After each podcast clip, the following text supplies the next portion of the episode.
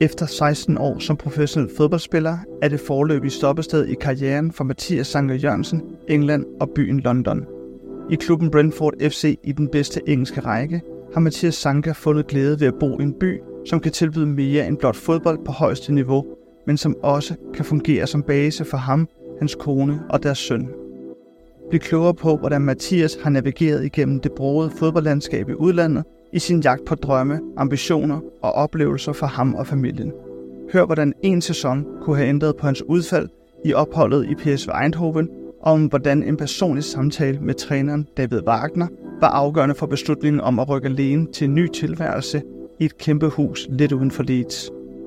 Hør også, hvordan ambitionen om et klubskifte og en knap så god kemi med en ny træner sendte ham på reserveholdet i Huddersfield. Mathias fortæller os, at han allerede tidligt i sin fodboldkarriere indfriede sin egen drøm om at blive professionel fodboldspiller og komme på landsholdet. Resten er, som han selv siger, blot oplevelser, han har været privilegeret at få med i bagagen. Det her er Udlandet kalder med Mathias Sanka Jørgensen.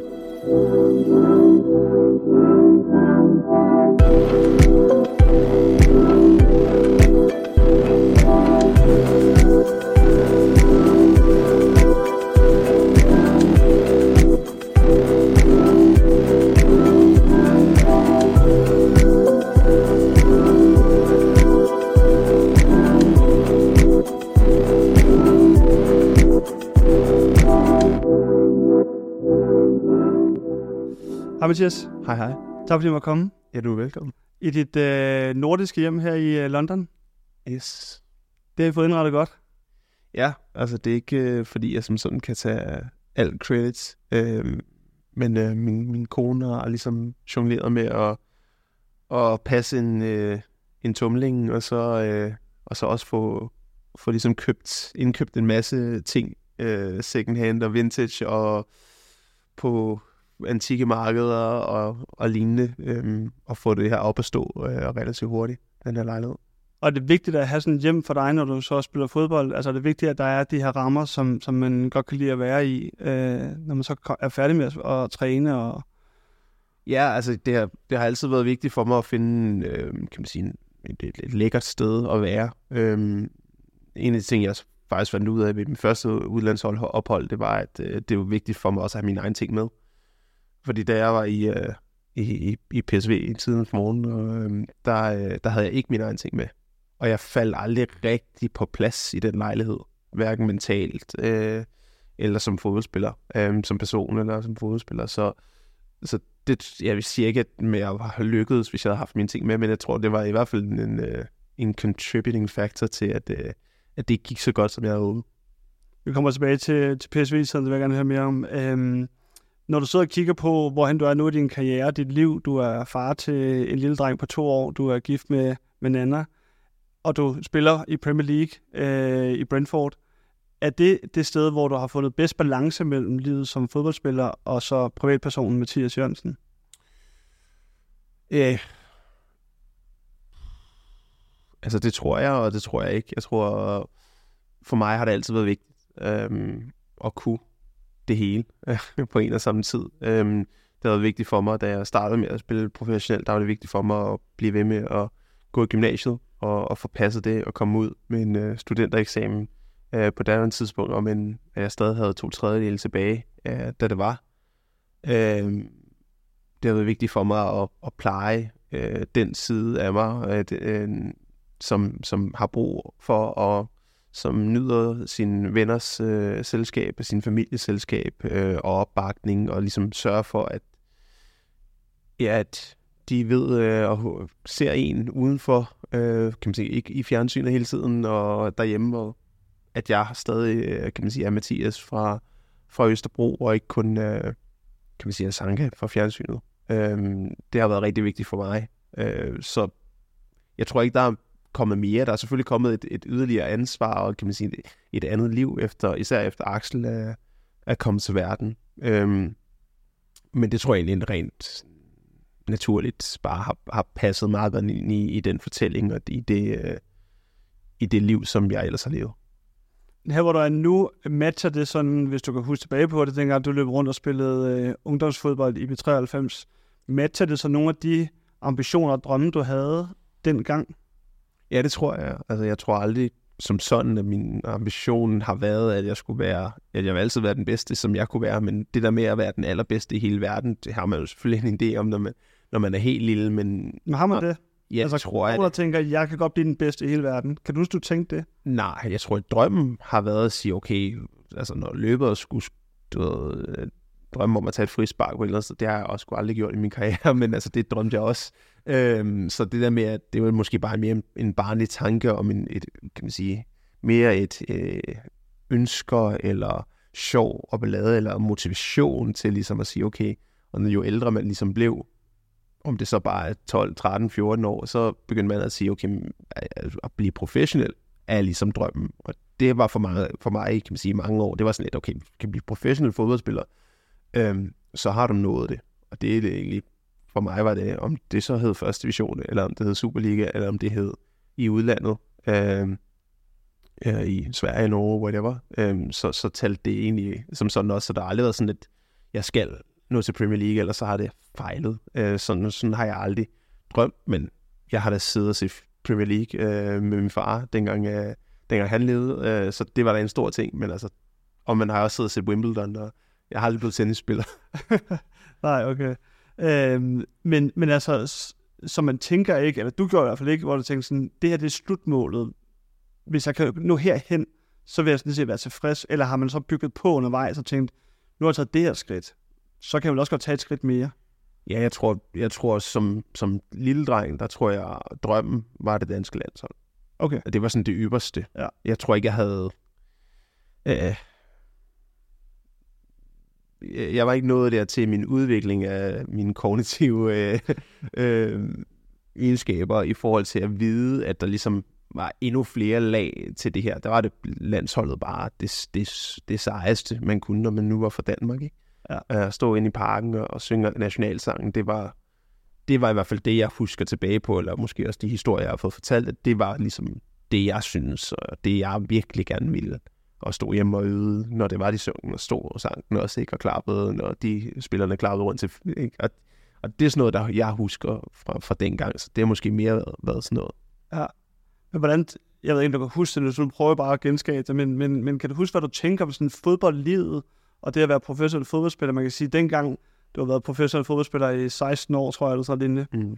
Der er jo sket meget, mm. og dengang var det jo endnu mere udtalt, at man havde, altså der var lønningerne, der steg sådan rimelig drastisk og så videre. Altså, kan du huske, om det sådan var, er det sådan trofæerne, eller er det din egen position, sådan, øh, jeg skal være den bedste, eller, eller, og det er også helt fair, altså har der været økonomi indover, hvor man tænker sådan, okay, jeg skal nå herop, fordi så er der ligesom, så, så, så har jeg ligesom klaret min fodboldkarriere med alt det, jeg har lagt i det indtil videre. Det, er også, det skal også afspejle al den tid, man lægger i det som ungdomsspiller. Du har afgivet en masse ting i din mm. gymnasietid. Ja, der handlede det, der tror jeg, det handlede om, til at starte med, der handlede det om at blive dygtig. Altså, det var at blive, at blive ved med at blive, øh, du kunne mærke, når du er, er, er et barn, så, så udvikler du hele tiden. Du bliver jo bedre, øh, altså hele tiden bliver du bedre, øhm, og kan nye ting, og, og der var det jo der at prøve at lære det sociale ved at være øh, omkring en gruppe drenge, som du kender via fodbold og nyder samme hobby, og har det sjovt med, ofte også kommer fra samme område, der var der, øh, kan man sige, meget af det. Øh, og så tror jeg, sådan, selvfølgelig har der jo været en drøm, og jeg vidste også godt, at man som fodspiller tjente penge. Fordi jeg ved da, at en af de ting, jeg havde sagt, det var, jamen, så køber min, øh, min mor et hus. Ikke? Det var den første, jeg lavede en aftale om. Jeg køber den dag, øh, jeg bliver professionel fodspiller, så køber jeg et hus af dig, og så med far, at man kan få en bil. Ikke? At det var sådan, det ja. var det, og det for den historie. Den første kontrakt, du lavede, det var med dine forældre? Morless, ikke? Ja. Jeg har ikke hverken købt min, min far noget desværre dø, da, øh, da jeg var 12, øhm, og min mor har ikke købt noget hus alligevel. Fordi, okay. Ja, så, så, så jeg har åbenbart ikke opfyldt den kontrakt.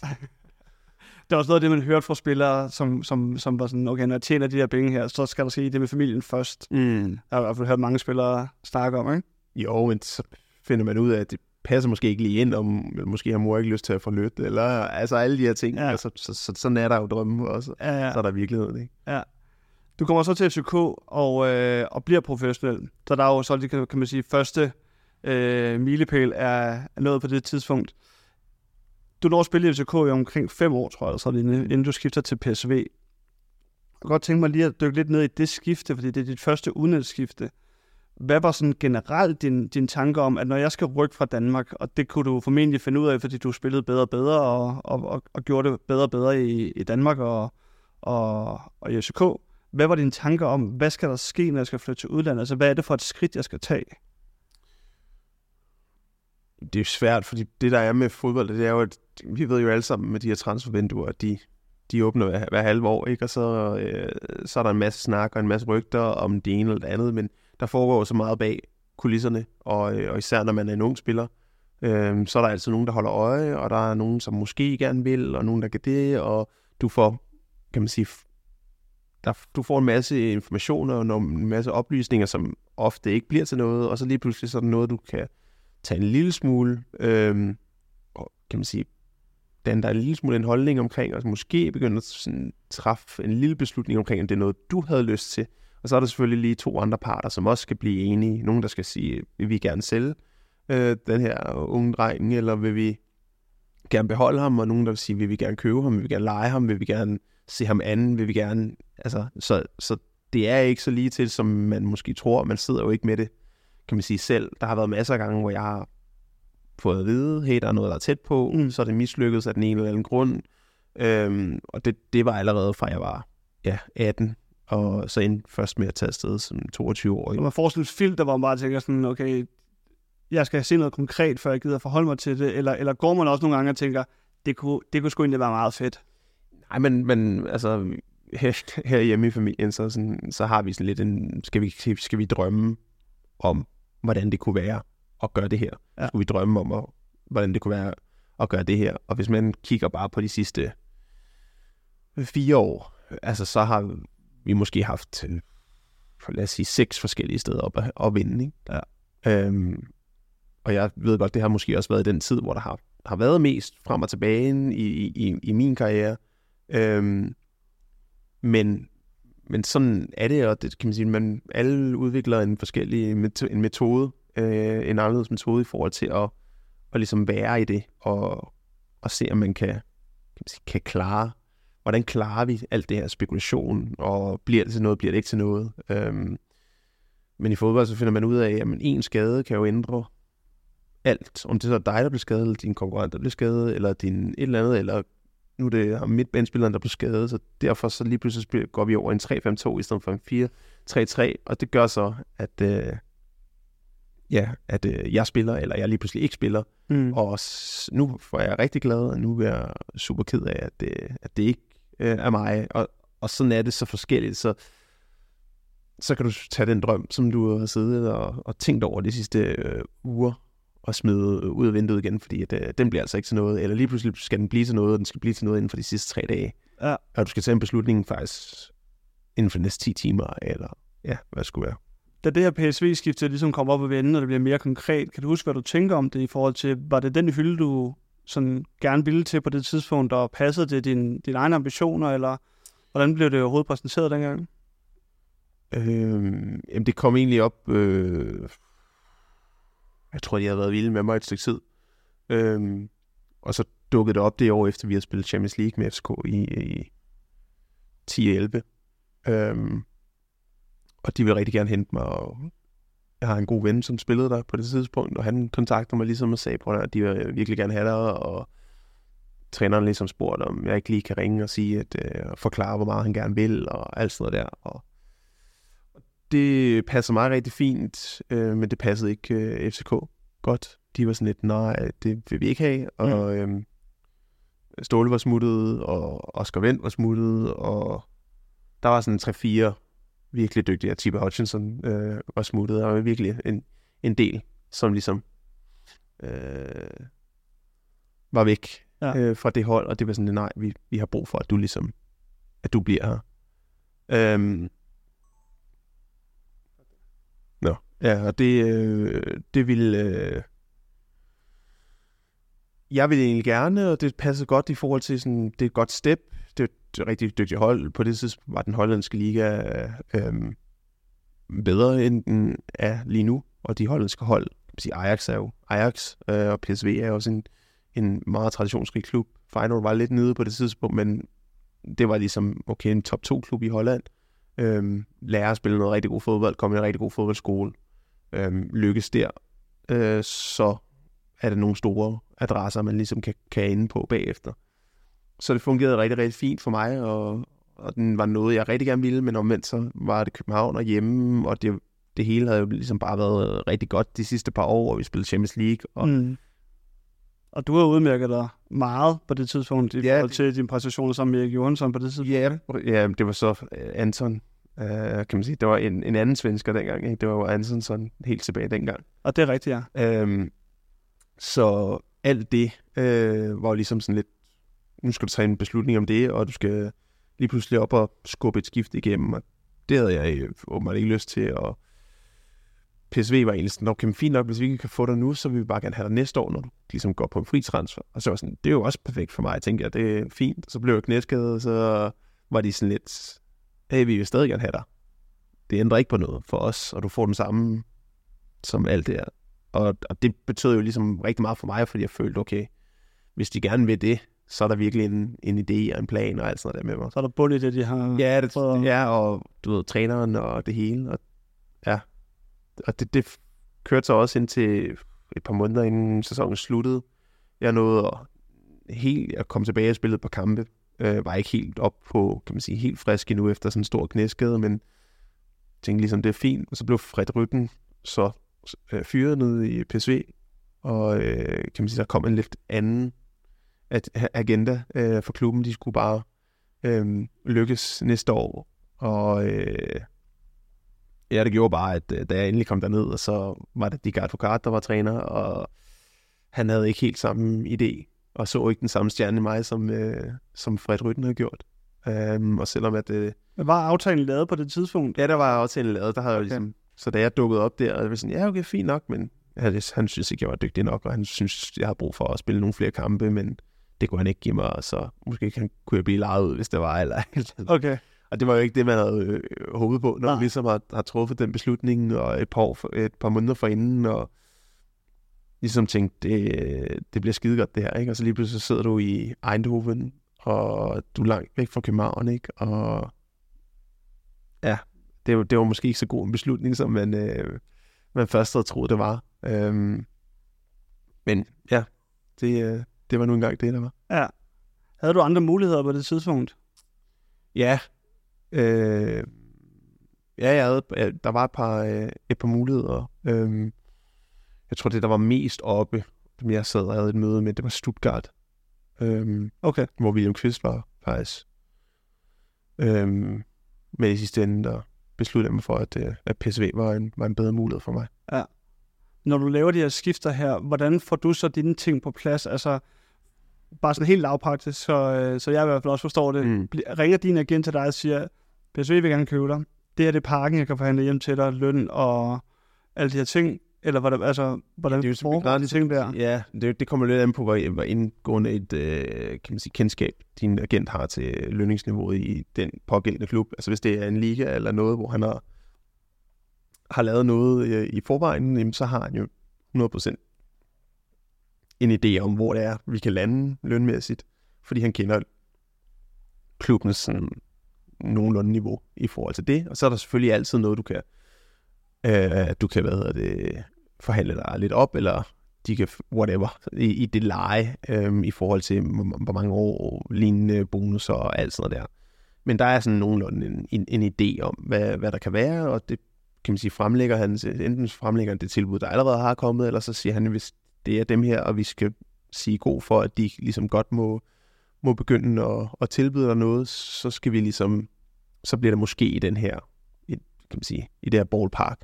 Øhm, Forholder du dig meget selv til lønnen i sådan en proces her? Altså går du selv meget ind aktivt og sådan forholder dig til, hvad, hvad er det, hvad skal jeg have i løn? Øh, jeg tror mere... Er sådan en summe, hvor, man, altså, hvor jeg vil tænke sådan, det, det altså, det, det er altså store beløb ofte, der bliver handlet for, og som der bliver lønnet for, så, så går du selv ind og tænker sådan, ja, ja, jeg skal sgu have noget mere, eller det er dit agent, der råder dig til at sige, jeg tror, vi, vi skal højere op. Ja, det er jo, så, kan man sige, det er jo der, hvor de kender markedet bedre, øh, end man i hvert fald gør, når man er, når man er yngre. Jo, jo, jo ældre du bliver, jo mere ved du jo, hvor der har været, hvis du har været i en liga, og du ved, kan man sige, hvor de har hold ligesom befinder sig, så, så har du måske mere en idé om, okay, men det er det her, jeg er værd, og lige pludselig så lander du også på en hylde. Der er jo meget af det der med, kommer du først op på en, en lønnehylde, øhm, jamen så er man sådan jamen det er det her, han koster. Fordi det er det her, han får nu.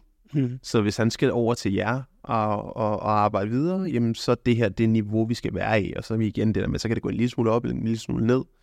Øh, afhængig af, ligesom, hvordan har dine sidste par år været. Har du øh, spillet super meget, og det hele bare kører, jamen så er der jo ikke nogen tvivl om, at så går man enten på det samme, eller måske en lille smule mere, eller meget mere.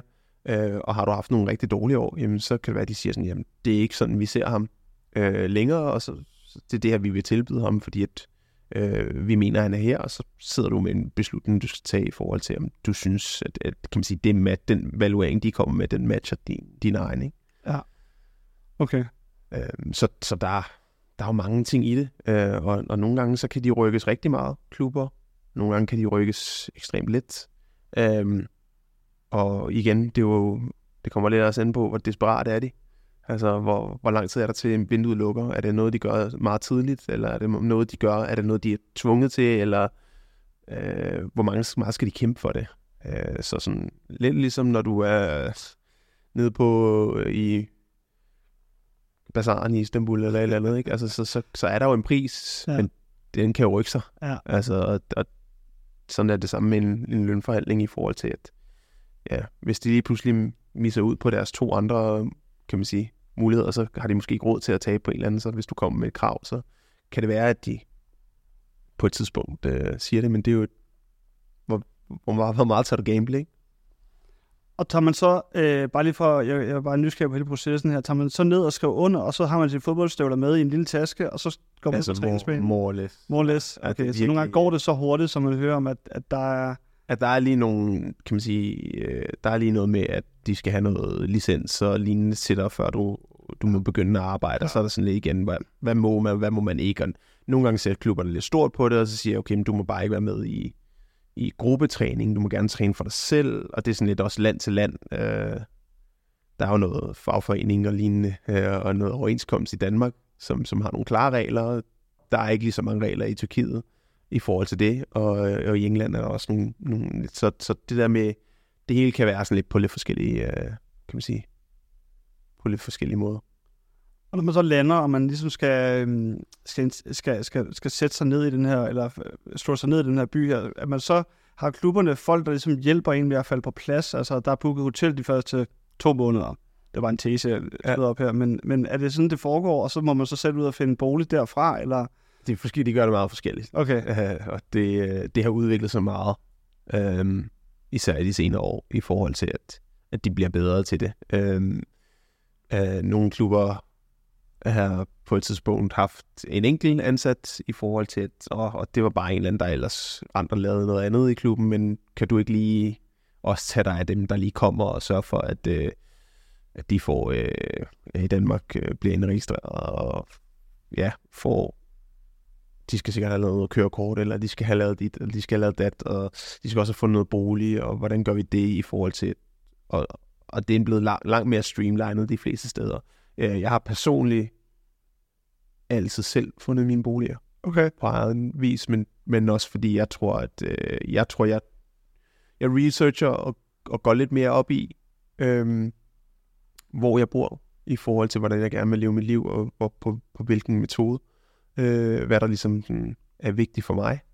Øhm, og nogle andre vil bare gerne have det så nemt som muligt, og, og så har de ikke noget imod at sidde lidt længere i en bil, eller, eller noget lignende, men øhm, altså der, er- der er jo en grund til, at de fleste øh, udenlandske FCK-spillere, de boede ved Havnholm, ikke? Altså, at det, det var... Det er streamlinet.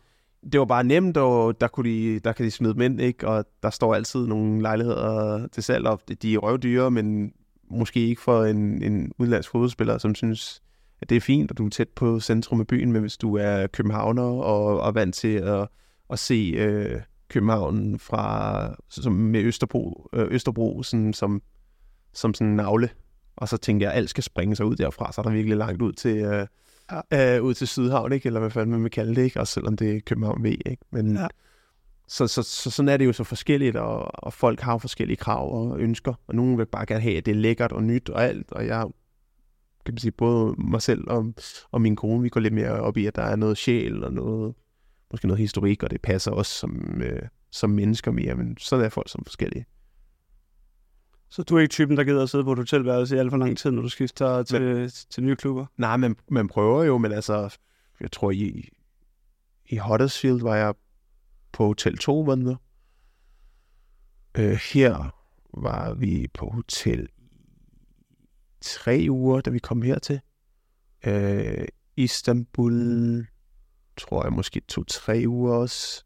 To uger måske kun.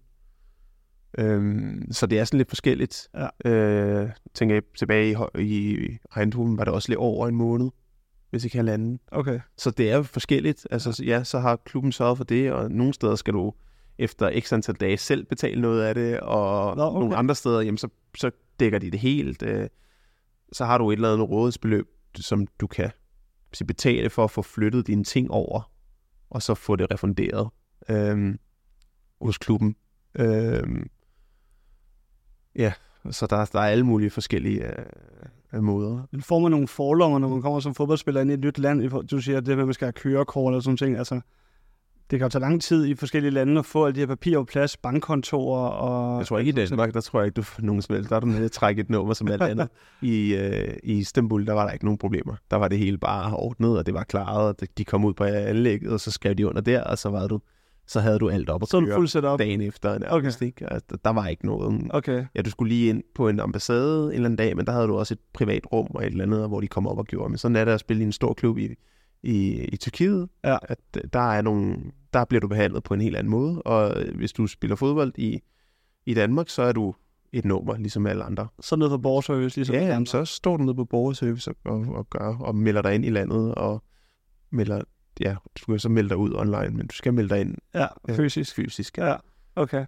Og sådan noget som bil og sådan noget, det, det er også forskelligt fra klub til klub, om, om, om det er der eller ej, eller har du altid sagt i din kontrakt, der skal stå et andet køretøj til mig, hvis jeg bor så så langt væk, eller? Nej, det, igen, det er også op til, altså du kan bruge alle de greb, du ligesom vil. Altså, så nogle klubber står meget fast på, at sådan nogle ting gør vi ikke, og andre klubber er sådan lidt, okay, men hvis det hvis det er det i sidste ende, der gør det, øh, så, så kan vi godt sørge for, at der, at der er en bil, men det kan så være, hvad for en niveaubil er det, så ofte så bliver det bare, at de sørger for den her pakke, der er, bum, bum, og så er det klaret. Øh, men omvendt har jeg også hørt om, om spillere, der, jamen det var både bil og hus og børnenes skole var betalt og alt, og de skulle bare vælge. De skulle bare pege det ud, og så klarede klubben det sådan er det jo lidt øh, forskelligt, øh, hvordan man gør det. Du sidder så i Eindhoven og sidder i en lejlighed her og siger, du, du, det er ikke det, du har følt dig sådan mest tilpas i forhold til, hvordan, øh, når du skal øh, føle det hjemligt og så videre. Øh, du er alligevel to år i Eindhoven, øh, og så skifter du så tilbage til FCK. Øh, hvorfor tilbage til FCK på det tidspunkt? Øh, jeg tror, jeg havde et par enkelte muligheder, som jeg tror, jeg havde noget fransk fodbold øhm, som var en mulighed på det tidspunkt.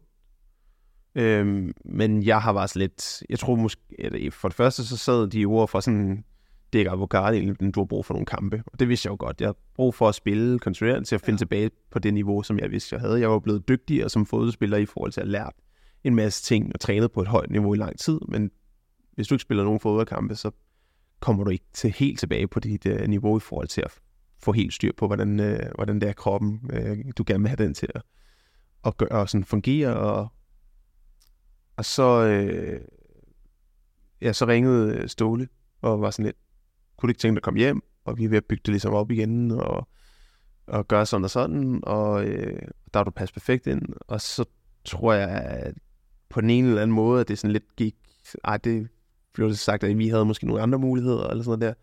Og så gik han videre til hans mål nummer to. Og det Ved du, hvad det var? Ja, det var Erik Svirchenko. Okay. Øhm, og det var sådan lidt, det var ved at falde på har, i hak og helt lortet, og jeg tror alt næsten var til. Ja, den var tæt på. Før de så løb for, fra den over i Herning, og øh, da de fik Matthew Benham som, øh, som ejer. Ja.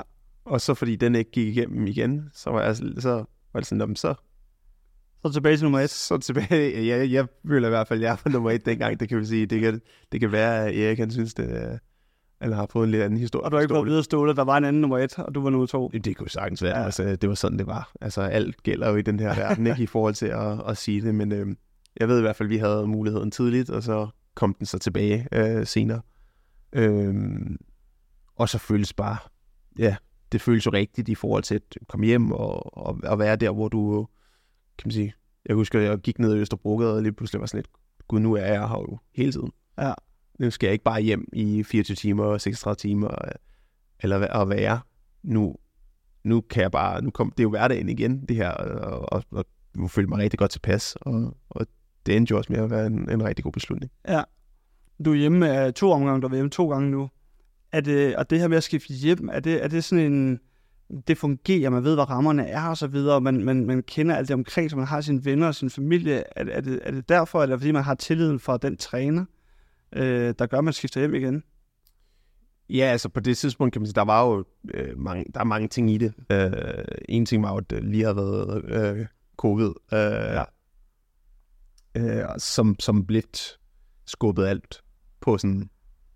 Alt for en lidt, i fodboldverdenen. Alt var lidt underligt, altså generelt. Øh, det var lidt underligt at bo uden for, for Danmark øh, at være væk fra det, fordi alt føltes så usikkert lige i, i, i den tid. Øh, kan man sige, det, ja, 2020 var sådan lidt et, et spøjst år øh, på rigtig mange punkter i forhold til alt det her med, at så var der så var der fans, og så var der ikke fans, og så kunne du det, og de her ting måtte du det sted, og det her sted måtte du det her, og, og der ringede Ståle igen, og var sådan lidt, prøv at høre, har du ikke lyst til at komme, komme hjem og spille øh, på en, på en lejekontrakt, kan vi det til at fungere? Og det, det betød noget, at det var ham, jeg vidste, hvad jeg ville komme hjem til og alt det her. Og så, øh, ja, så valgte de så at fyre ham en to dage efter, øh, at jeg kom hjem. Det var selvfølgelig en, øh, en bed, øh, kan man godt sige. Ja. Og så rører du så til Huddersfield. Korrekt? Og altså, kan man sige, nu har vi snakket om de to forskellige. Ja, ja. Det, i, i en omgang, ikke? Så var det så også ja. ja. Øh, og til Premier League for, øh, for første gang. Var det sådan en drøm, der gik i oplevelse øh, i opfyldelse, at nu, nu, nu var det Premier League? Eller har du ikke haft det som en liga, hvor du tænkte, den, den vil jeg gerne tjekke af på et tidspunkt? Jo, klart. Altså, det er bare sådan nummer et, rent sådan, altså, det er nemt, du snakker engelsk. Øh, englænder er generelt et, et nemt folk at sådan komme ind på. Øh, det er den bedste liga i verden. Øh, og men der selvfølgelig er nogle, nogle klubber, som måske er større, eller som er federe. Altså alle synes, kan nok blive enige om, at Real Madrid nok er den største klub i hele verden, og Barcelona er også rimelig fed at spille i. Ja. Øhm, også for livsstilen. Øhm, men at, at, at, at Premier League som liga øh, er, er den, den mest kompetitive, eller den, der er, der er mest svung på. Ikke? Og så det var, da, det var helt klart øh, jeg havde nogle muligheder om nogle forskellige ting øh, i, i månederne op til året før i forhold til La Liga og, og sådan nogle ting, men da, da, da mine agenter på det tidspunkt kom med, med Huddersfield, var jeg sådan lidt, Huddersfield, de lige sådan kravlede sig igennem playoffs, og øh, var måske det femte bedste hold i championship på det tidspunkt, men kom, jeg klarede det, og, og kom op, og jeg var sådan lidt, de, vi ryger den ned med et, øh, med et krav. øh, men de var sådan, både der, øh, det, du har sagt til os i forhold til, øh, hvad der gik galt sidst ned i PSV og sådan noget der, det var ligesom, at du følte ikke, at, øh, at træneren var ombord. Øhm, og der har jeg ligesom sagt, den her gang vil jeg gerne, jeg vil gerne sidde og snakke med træneren. Jeg vil gerne høre ham. Jeg vil gerne danne mig et billede af, af det her. Øhm, og det sjove er, at det var præcis det samme, som ham træneren han sagde, da vi, ligesom, da vi kom ned, og vi pitchede dig og sådan noget der, så var det sådan, at jeg vil gerne møde ham. Så kan du komme til, kan du komme til Tyskland i morgen, hvor han sidder? Øhm, for han vil gerne møde dig. Det var bare aktivt dengang. Ja, og det skal bare gå hurtigt. Ja, okay. Og jeg sad i Stockholm på det tidspunkt, tror jeg. Og jeg var på sådan en miniferie. Og jeg var sådan, ja, jamen det kan jeg. Og booke fly til, øh, til Düsseldorf, og så, øh, så kørte jeg ellers øh, ned og brugte øh, to timer hjemme hos øh, David, hvor vi snakkede om alt så fra fodbold og stil til de klip, han ligesom havde fundet frem på mig og lignende, og til, ja, hvorfor gik det galt i øh, PSV efter min egen overbevisning, Øh, hvorfor er det gået godt i, i, i FCK igen, Øh, hvad, hvad driver dig ligesom for at lykkes den her gang, og, og han havde meget øh, ja, han havde brug for nogle spillere en, med en bestemt med indstilling og en bestemt øh, tankegang, men han ville gerne lære dem alle sammen at kende. Da vi sidder der to timer, så spurgte han, hvornår kan du skrive under? Hvor at, øh, at vi ligesom måtte grine lidt af det, og så hmm, agenten lige sagde, det, det må lige se, om vi kan finde ud af det rent økonomisk, fordi at, øh, agenten var med til mødet? Jamen, de sad ikke inde i, øh, de sad, kan man sige, de ja. sad med det første halve time, så fik jeg ligesom lov til at, at køre det videre, og så kom de ind og sagde, okay, nu, øh, nu er vi klar til at, at gå. Øh, og så, øh, ja, så kom den der kommentar ligesom, øh, fra David, og så brugte jeg de næste par timer og dage på ligesom at, at gå og tænke på, om det var noget, jeg kunne forestille mig. Øh, men jeg havde så godt et indtryk af, af ja, David, at... Øh, Hvad var det for nogle ting, han sagde til dig, hvor du tænkte, det, det er jo... Det må jeg tro på, eller... Ja, det var mere et spørgsmål, der lige så meget handlede om, om mig som person, og hvorfor jeg ikke var lykkedes. Ikke så meget, hvorfor var ting øh, gået godt, men er det en generel interesse for, hvad der driver mig som, som, som menneske, og øh, ja, hvad jeg synes, jeg er god til, hvad jeg synes, jeg er dårlig til, og hvordan det matchede med hans syn på, hvad han synes, jeg var god til, hvad jeg synes, jeg, jeg kunne, hvad han synes, jeg kunne blive bedre til. Øhm, så det synes jeg var, ja, det var måske lidt anderledes, end, øh, end det, jeg havde oplevet sidste gang, jeg kom til udlandet, hvor det var lidt mere en, en, en, en træner, som ikke rigtig gik op i, i de ting. Så det var din, øh, altså, det var, det var simpelthen erfaring fra PSV, der gjorde, at jeg vil gerne snakke med den her træner her, inden jeg, inden jeg sætter min underskrift for noget.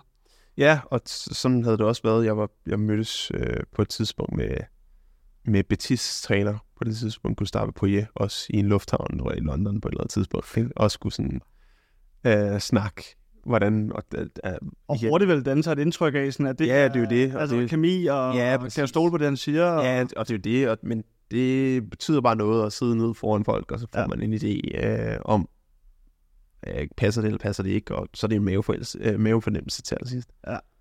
Og så ryger du så til Fenerbahce, efter I rykker ned med Huddersfield. Var det klausulen, der gjorde, at øh, så kunne du skifte?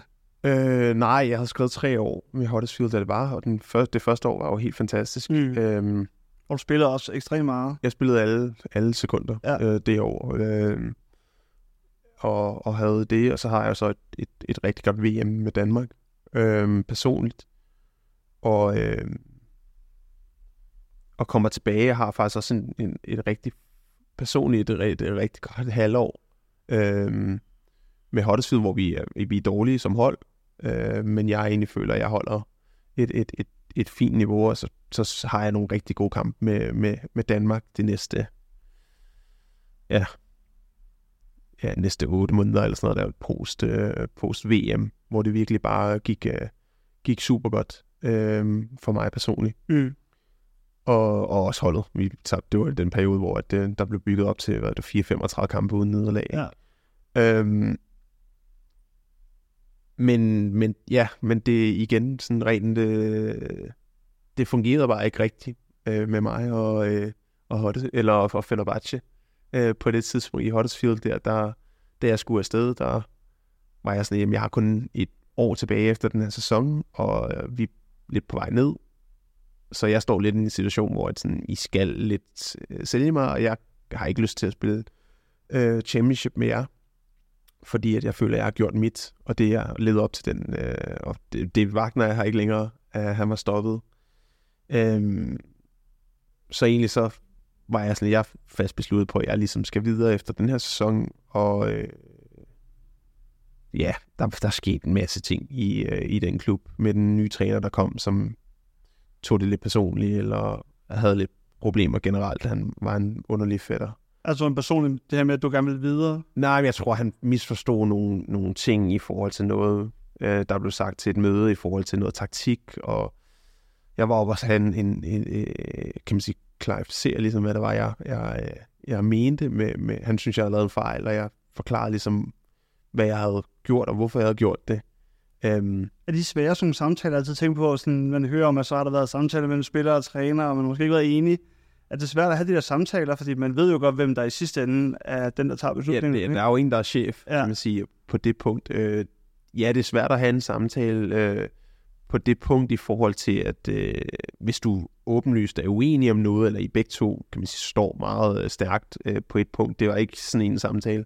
det var simpelthen bare for at klarificere, hvorfor havde jeg gjort, som jeg havde gjort, og, men at hvis han hellere ville have det på en anden måde, øh, så, så gør vi det selvfølgelig på hans, øh, på hans manér øh, derfra. Øh, men han, øh, ja, jeg, kom, fik, jeg fik i hvert fald ikke lov til at spille efter det. Øh, så han var, han, han var meget øh, speciel.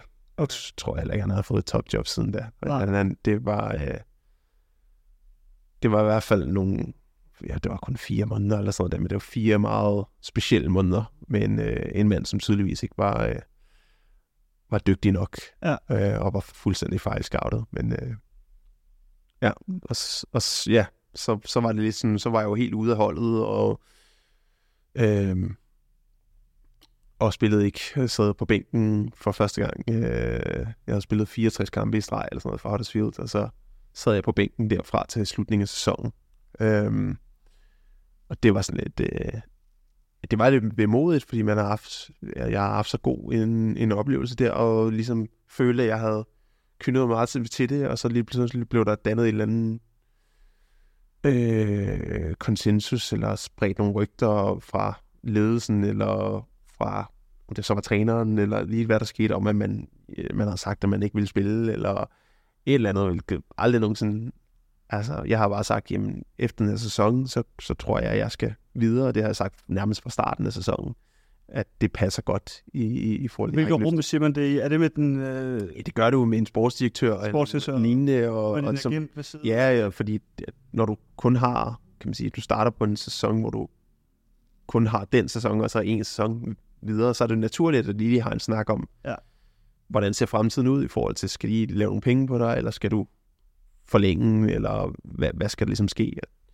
Og det var sket forløbet meget roligt øh, i første omgang.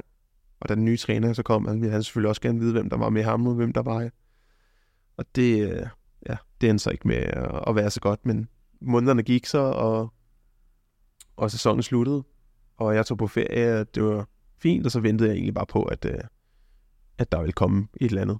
Men kan man være for ærlig i den situation? Jeg tænker sådan, kan, kan man frygte, at man får sagt, jeg tror, jeg skal videre, og så ved man jo godt, at så er det jo en, øh, så er det jo et, øh, et vedløb hen til at deadline ja. day, og hvis ikke man kommer afsted, så har man ligesom sat sig en situation, hvor man har givet udtryk for, at jeg er i hvert fald ikke fremtiden i den her klub her, så der er ligesom den her sæson tilbage. Altså, Klart, over, altså, det, man det, det, kan man det, det, det bliver en lang sæson, ikke? Jo, jo, lang, og det, det er jo... Et langt halvår, indtil der er jo, igen. 100 procent, og det er jo det er der jo masser, der er stor risiko til. Vel, kan man sige, ved at at sige, hvor, som de rent faktisk har det, eller måske spille et spil i forhold til et eller andet, og så er der nogen, der har reageret.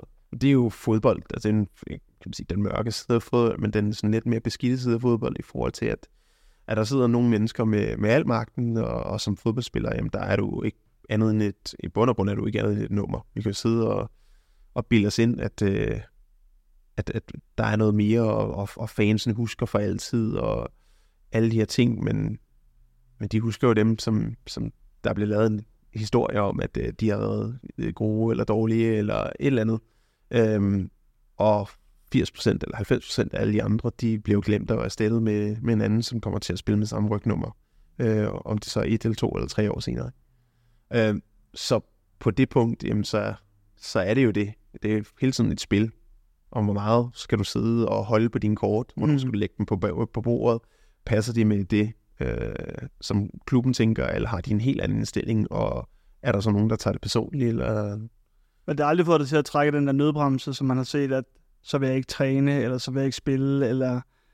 Nej, altså... Jeg... Har du været så langt ude, at du har altså, trodset øh, sige, din, øh, din kontrakt? Nej, jeg er, kommet, jeg er kommet for sent hjem for ferie en enkelt gang, hvor de... Det var den sommer, hvor de øh, kom ville give mig. De er jo tvunget til at give dig tre uger i streg. Det er sådan et, en regel. Der skal være tre ugers ferie i streg om sommeren. Når man er med med landsholdet, så mister du din sommerferie. Så de andre har 5-6 uger. Dem, der ikke skal med landsholdet, og så ja. dem, der er med landsholdet, de har så fra den dag, det ligesom stopper, så skal de have tre uger i, i streg, i princippet. Øhm, og der tror jeg, at de vil gerne have mig hjem efter 17 dage. Eller sådan. Og så var jeg sådan et, jeg kommer der. Og sådan er det. Og øh, ja, da jeg kom, så fik jeg bare at vide, at det, du, du klæde om derovre sammen med Philip Billing og Sabiri. Og i, Hvad havde Philip Billing gjort? øh, han ville også gerne videre. Okay. Øhm, så, så der løb vi og, og trænede for os selv i to uger, tror jeg. Okay. Og så tror jeg, der var Philip, der røg til Bournemouth først. Så var det mig og, og øh, Hamid Sabiri. Og så røg jeg afsted til Fenerbahce. Øhm, Ja. Og vi kom alle sammen afsted, heldigvis kan man sige. Men, men det var lidt sjovt at løbe rundt der i, i det, de kalder bomb squat, ikke? Og, og bare løbe, løbetræne for sig selv, ikke? Ja.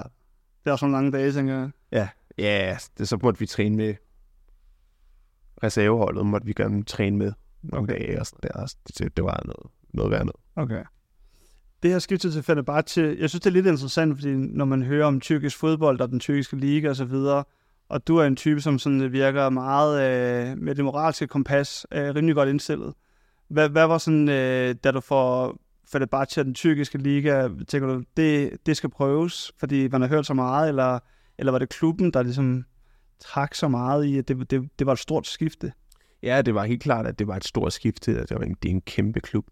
Altså med ekstremt mange fans øh, i hele verden. Dedikeret? Øh, ja, dedikeret, men altså virkelig, øh, kan man sige, jeg havde jo selvfølgelig også et, en, en, en idé om, at på, nu havde jeg øh, arbejdet hårdt for at, at komme op og, øh, og virkelig gøre det, øh, gøre det godt og, og være på, kan man sige, på mange slæber, og derfor synes jeg også, at jeg øh, kan man sige, havde en, en, en værdi, som, som skulle, kan man sige, skulle, skulle afspejle i den, i den løn, jeg ligesom øh, skulle modtage fra det her sted. Og der havde jeg mine agenter sådan meget sådan at sige, okay, men jeg er åben for, for, for nogle ting, øh, men der er nogle krav, der ligesom skal, skal følges, og selvfølgelig, hvis jeg ikke skal spille i, øh, i, øh, i en af de øh, top 5 ligaer, så, så er der noget økonomi, som selvfølgelig også skal, skal, skal kompensere ligesom for det. Og til sidst så endte vi bare med at sige, okay, men ved du hvad, Fenerbahce, det er en, en super god mulighed for at spille på, øh, på højt niveau, fordi fodbolden er trods alt stadig øh, på et rigtig fint niveau. Øhm, og så samtidig få oplevet at spille i, i, i en kæmpe klub, i en, altså en vanvittig by, rent menneskelig, og, og prøve at opleve. Øhm, og, og, også, og også, kan man sige, få det økonomiske med. Øh, så, den, så den tikkede faktisk rigtig mange bokse af det, øh, og det var spændende, kan man sige, fra boet i, nu boede jeg godt nok i Wakefield, men sådan lidt uden for Leeds, øh, en by med, ja, jeg ved ikke engang, hvor mange der Ja, Huddersfield ligger lidt nordøst for Manchester, hvis det siger nogen noget. Ja, ja øh, så jeg, jeg boede ikke engang i Huddersfield, jeg boede lidt uden for Leeds, kan man sige, det er i en by, der havde måske, måske 100.000. Ja. Øh, og boede i en eller anden ja, for, for, forstad til den, ikke? Så det var, det var lidt noget andet, øh, at, at have udsigten til at bo i, i, i Istanbul, som jeg har hørt øh, rigtig godt øh, om fra, fra, fra for eksempel Simon Kjær, som, som har spillet der. Ja. Og øh, ja, så det, øh, det blev vi enige om, mig selv og Nana, om, at det, øh, det kunne være interessant at, at prøve. Og interessant var det i hvert fald. Hvad var tankerne, sådan, når vi tænker på, at nu skulle du så også have, have Nana med og så videre? Det er jo, det er jo en lidt anden kultur end den danske. Var, var det sådan altså, gjorde du noget hjemmearbejde i forhold til, altså, ringer man til Simon Kjær og siger, jeg, jeg er nødt til lige at høre pros and cons til det her? Altså, Ja, selvfølgelig. Altså sådan snakker det men igen. Øh, øh, min, min gode kammerat, Sibe Hutchinson, han Bes- Besiktas, og, og har også en dansk kone. Og så, så dem snakkede vi med i forhold til, hvad sådan, lidt, hvad, hvordan er det, og hvad, hvad er der muligheder. De var også bare sådan, prøv at høre, som, som mennesker. Ingen problemer. Altså det her, Okay. det er en, en metropol. Øh, der er alt det, I kunne tænke jer i forhold til at være ude og opleve, og kultur, og øhm, hvis I gerne vil have high society og fancy ting og lidt her, så det er ordnet, og alt bliver ligesom klaret for jer, og I kan... Altså, så det var en interessant måde ligesom at, at, at opleve det, og til den dag i dag, så synes vi, at det var noget af det, det sjoveste, spændende, mest spændende at, at være i en af de sjoveste byer, øhm, og være i, som altså fuldt ud på niveau øh, i forhold til at opleve tingene som med London. Okay. Øh, og det, det er undervurderet hos de fleste mennesker, kan man sige, rigtig mange skandinaver og lignende, som, som ikke har været der, har, har måske et, et forskroet øh, syn på, hvad, hvad Istanbul er, men altså, det er jo en by, der ja, officielt har været med 17-18 millioner øh, indbyggere, jeg tror uofficielt, så er det nok over 20, ikke? Ja. Så at bare forstå, hvor stor den er, øh, det, det er helt vildt. Var der også lidt af det der store klubsmentalitet, der også kunne være fedt? Altså, du har prøvet det, kan man sige, i FCK, prøvede det også i Eindhoven, en stor, stor klub i, i landet, meget øh, bevågenhed. Øh, en hund, der øh, skal lidt kærlighed en gang imellem. Ja. Var der også lidt det der store klubs, hvor man tænker sådan, det passer godt til mig med en stor klub? Ja, altså det, det var da helt sikkert en, en, en tanke omkring det. Altså jeg synes, at det var, øh, at det var interessant at prøve at spille for, for så mange mennesker. Og, og det at træde på banen på, på, på Sykrus Sadakoglu Stadium, altså sådan, det er, det er stadig vildt. Altså det er stadig noget, jeg husker tilbage på at sige, der er ikke nogen stadions, der er ikke nogen oplevelser sådan ren øh, stemningsmæssigt, som kommer i nærheden af det der. Der er selvfølgelig et, et, et, et derby i parken, mm. har for mig øh, noget helt andet kan man sige, betydning, fordi at, at, at der er noget, kan man sige, noget, et kærlighedsforhold, øh, som, som til en af klubberne. Til en, ja, præcis. Øh, som ligesom gør, at, at det er for mig specielt, ja. for, når man er født et par minutter fra, og har boet det meste af sit liv øh, igen, også lige et par minutter fra, fra, fra stadion, øh, så, så er der nogle følelser, som er indblandet, som er svære at få for nogle andre. Øhm, men hvis man tager ren i forhold til larm og lyd, og altså sus i, i, i maven, når der bliver scoret, og, altså, der kunne det... Øh, ja, det, det, det er et vildt sted at, at sparke bolden i nettet på, det, det må jeg sige. Du, øh, du har så en periode, sådan, hvor du er lidt frem og tilbage, også med Fortuna Düsseldorf og så videre, men ender så her i, i Brentford er det sådan en, øh, var det sådan en no-brainer for dig? Nu ved jeg godt, at der er nogen, der har spekuleret i, at Mads Bæk blev skadet, og så blev du hentet, og det ved man jo aldrig rigtigt, om det var den direkte årsag eller ej. Men var det sådan lidt no-brainer, da du får den, den, det tilbud om ligesom at komme tilbage mere centralt London? Mange danskere i klubben. Øhm. Altså, det var ikke en no-brainer. Jeg havde nogle andre muligheder, øhm, som også var, var ret tæt på, og skal man sige, lå øhm, men der den samtalen med, om Brentford havde været der i lang tid. Okay. Øh, og havde ligesom været sådan lidt på, på nippet, skal man, skal man ikke, og skulle de, eller skulle de ikke, havde de nok i det, de, de ligesom havde, øh, eller, eller ville det være godt at få noget, noget mere, kan man sige, nogen, der vidste, hvad det ligesom handlede om, eller kunne de, var de glade for det, som de allerede havde i forhold til, at okay, vi kan godt klare os med det. Og ja, selvfølgelig gjorde det jo, gjorde det jo selvfølgelig, øh, at, at de virkelig måtte, måtte trykke på, på knappen, da, da, da Mads bliver skadet. Jeg tror, det er sådan noget den 26. han bliver skadet. Ja, det er ret sent i vinduet. Øhm, og, og så var det ligesom, at de sagde, okay, okay 100%, det gør vi, fordi det skal vi. Nu er han skadet et par måneder, du er gratis, eller ikke gratis, men vi, vi havde en idé om, at vi kunne komme ud af den kontrakt, ja. øh, hvis det ligesom var. Øhm, og, og og så er det igen det der med snille, ikke? I forhold til, okay, hvordan kommer du ud af en kontrakt med Fenerbahce, som meget gerne vil have, at du tager til Kina, fordi de har en, en, der var en klub i Kina, som gerne ville have mig. De vil gerne have, at du tog til Kina? Ja, fordi de ville gerne købe. De kunne så... Det, jeg tror, det var noget med, at de havde lige købt en spiller derfra. Okay.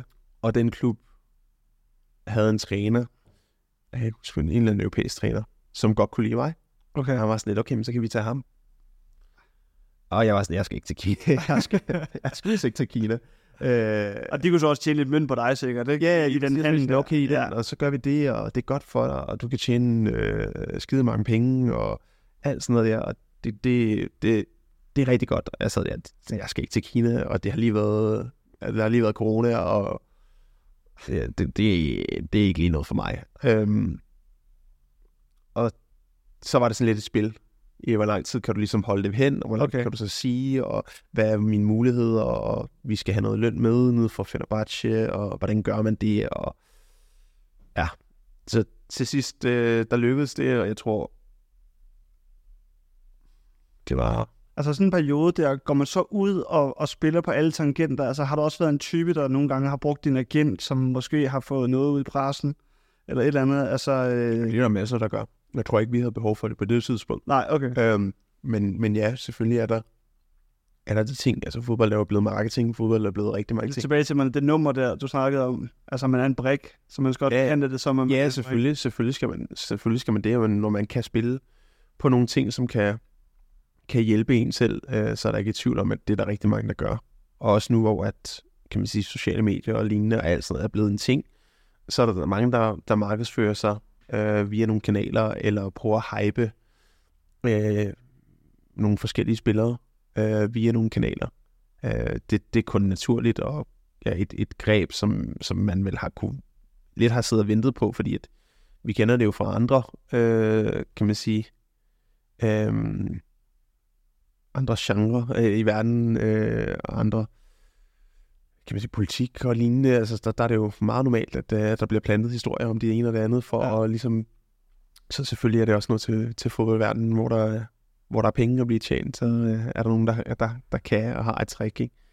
Øhm, for os, så, så havde vi faktisk ikke behov for det. Øhm, jeg, tror, jeg tror, der var sådan noget at vi havde nogle, vi havde nogle dage fri, ellers var der en landsholdspause, og jeg, jeg skulle ikke være med til kampen nede i Fenerbahce. Jeg fik fri. Øhm, og tog til Danmark og startede min 10-dages periode, hvor man skulle have været i et ikke-rødt land på grund af covid-19. Ja.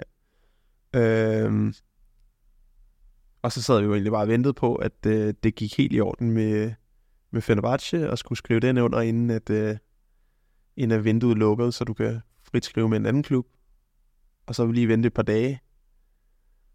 Og så skriver han med, med Brentford, og så vente et par dage, og så flyve over. Øh, fordi at, øh, så havde jeg været i karantæne lang tid nok Ja. i, i Danmark. Ikke? Okay. Så det var, ja, det var lidt, øh, uden at være stressfuldt, så var det sådan lidt en lidt underlig øh, periode, også fordi at jeg vidste jo godt, hvor jeg skulle hen, og det havde jeg vidst i, øh, i en del tid. Øhm, men havde ikke, øh, det var ikke så godt sådan at få det ud Ah. på daværende tidspunkt, fordi det ville måske se lidt, øh, lidt dårligt ud.